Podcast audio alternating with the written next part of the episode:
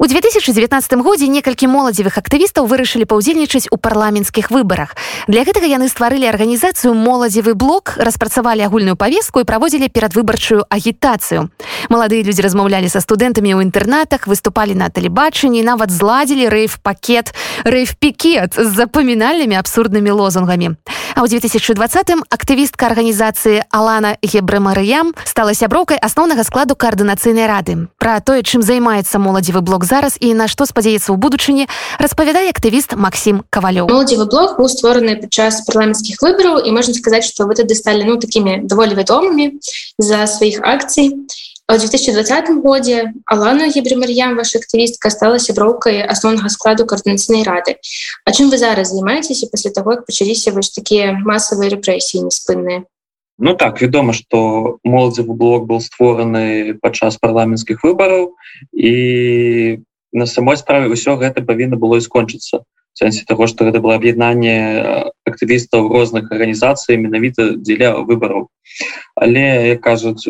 жартачка зацягнулася і мы існуем дасюль. Ужо пасля выбораў мы рабілі некалькі акцый. Наверное самая вядомая з іх это акцыя стурной якая была 8 траўня і рабілася менавіта для того каб звярнуць увагу на тое что подзвіг народа ён несмяротны сапраўды але мы вельмі такія смяротныя усе гэтыя парады падчас пандеміі кавіду это не то что павінна было рабіць наша дзяржава. Что тычыцца сітуацыі на сёння то большая частка актывіста моладзя блоку знаходіцца за мяжой з мэты палітычнага пераследу. Але мы не лічым себя нейкай мёртвай арганізацыі то есть нейкіх таких бегучых проектаў мы зараз распрацоўваем полісі пейпер по наркопалітыке таксама мы зараз займаемся нашим новым сайтам хотим привлекать до нашей працы волонтераў і увогуле пашыраць нашу органнізацыю усе наши три позвы за якія мы ішлі на парламенцкія выборы а гэта декрималізацыя артыкула 328 отмена абавязкова размеркавання отмена закона об тэрміновках і гэты все позвы яны застаюцца актуальнымі і таму мы і надалей плануем прыкладаць намаганні каб добиться пазітыўных зменаў у беларускім законодаўстве таксама памятаем про нашу моладзь у вязніцах не так давно мы зрабілі сумесны проект радам з адзіночным беларускай студэнтаў мы выпустили марки для паштовак з выявамі людзей які зараз знаходзяцца за картамі по так званай справе студэнтаў. Усе ахвяры якія людзі ахвяруюць за гэтыя маркі яны пойдуць потым усім тым студэнтам якія зараз знаходзяцца за кратамі то есть яны пойдуць на ступендию аркады смоліча. І увогуле мы стараемся трымаць руку на пульсе того что зараз адбываецца ў краіне каб знаходзіць магчымасці каб дапамагаць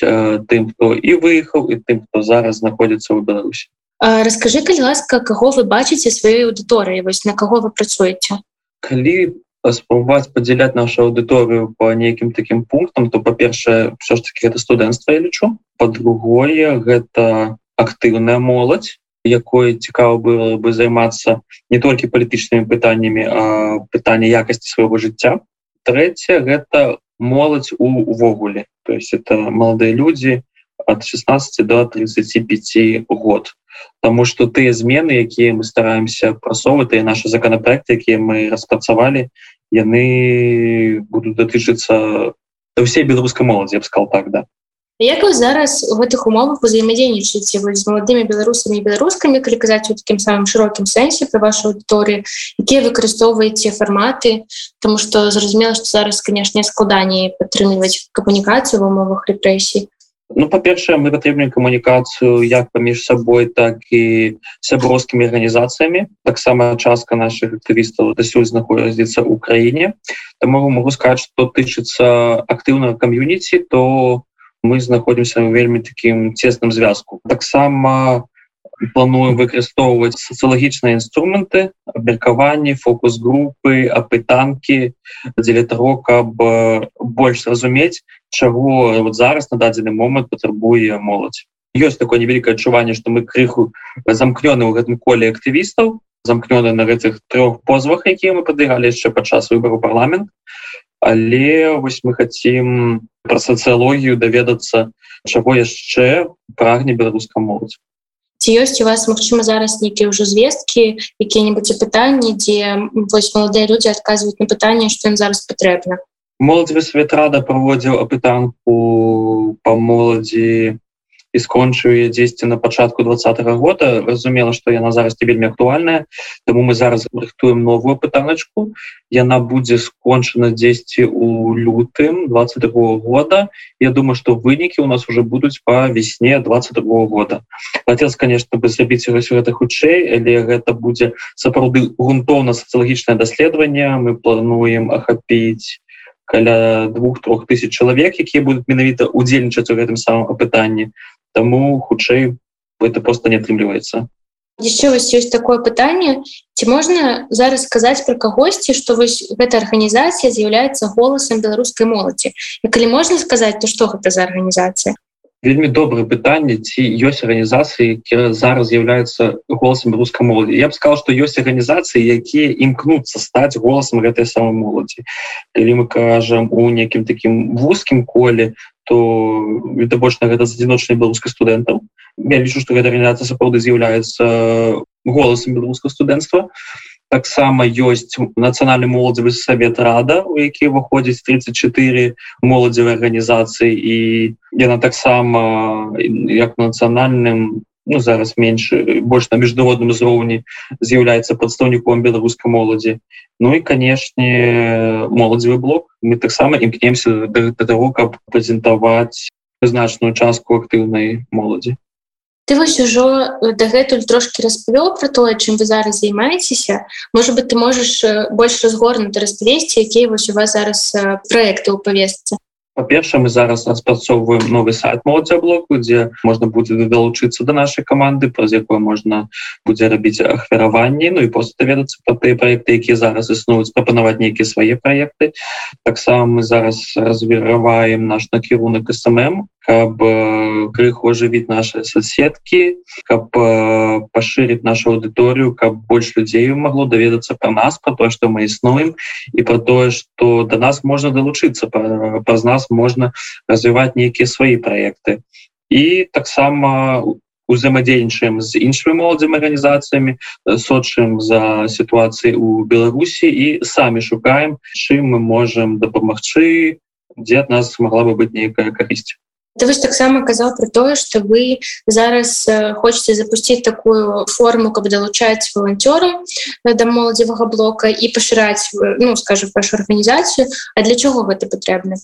моладзевы блок складаўся з 17 чалавек гэта былі актывісты самых розных арганізацый то есть частка з іх дасюль больш працуе ну больш на карысць сваіх арганізацый моладзя блоку это натуральна але мы так крышку замкнуты у сваім коле на сваіх позвах. Это ж не ўсе праблемы якія ходзяць нашу моладзь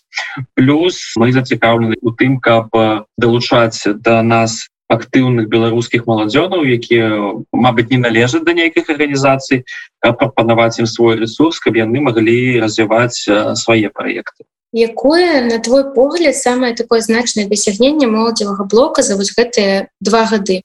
Я скажу, что для нас, як для организации, самое важное то, что, ну, по-перше, мы досюль існуем, что репрессии, посадки нас не зламали, скажу, наоборот, зрабілі нас мацней. Так само, я лічу, великим досягнением это удел у той самой парламентской кампании. Мы показали то, что беларуская моладзь это не нешта аморфное это люди не ведаю якія там просто сидят там у тиктоке думаюць толькі про сабе а про тое что моладзь гэта сапраўдная частка беларускага грамадства якая неабыякавая до того что адбываецца у нашай роднай краіне. Якая імкнецца да, да того каб голас моладзі быў пачуты. Таму что ведаеш калі глядзець нейкія там круглыя столы якія праводзяць дзяржаўныя органы не ўсе але ну, выглядае вельмі сумна калі некая там ассамблея беларускай моладзі быццам бы а там сядзяць э, дзеды там по 50-60 год і нешта для моладзі распрацоўваць я лічу что моладзь сама для себе можа нешта распрацаваць і мы видим вынікі напрыклад наша Алана Ева Мария якая на жаль зараз знаходіцца за кратами она была паклікана не толькі да карнацыйнай рады а да офісу Светланы ціхановскай як прадстаўніца по студэнцтву і моладзі вельмі добры такі знак про тое что палітычныя актары пачынаюць бачыць таксама у моладзі нейкіх асоб з якімі можна і нужно працаваць. То есть некалі сталыя пазіцыянеры там 20 год дзвіжы нешта сядзяць нейку моладзю палітику распрацоўваць а то что усе гэтыя актары штабы офісы пачынаюць все ж таки больш паслухоўвацца менавіта да моладзі і далучаць яе да працэса прыняцця рашэнняў. Я лічу что такія крутыя акцыі як моладзевы блок не рабіў ніхто чего б вам хацелася дамагчыся у дадзеных умовах і магчыма у нейкіх ідэальных умовах? Наверное самое галоўнае что хотел бы кожны член моладзевы блоку асабліва ты хто выехал гэта вернуться дадому спрыять тому каб ўсё ж таки наша мара про новую Беларусь яна здзейснілася вернуться дадому і я бы сказал что з гэтага пункту і ўсё толькі пачнется потому что мы бачым что в вельмі вельмі шмат працы належыць зрабіць. Для того чтобы голас моладзевы пачутны каб прымяліся адпаведныя пастанаўленні законы якія будуць спрыяць развіццю моладзі а мабыць дзесьці нешта прыбраць заканадаўства каб не мешаць это сам моладзі развівацца.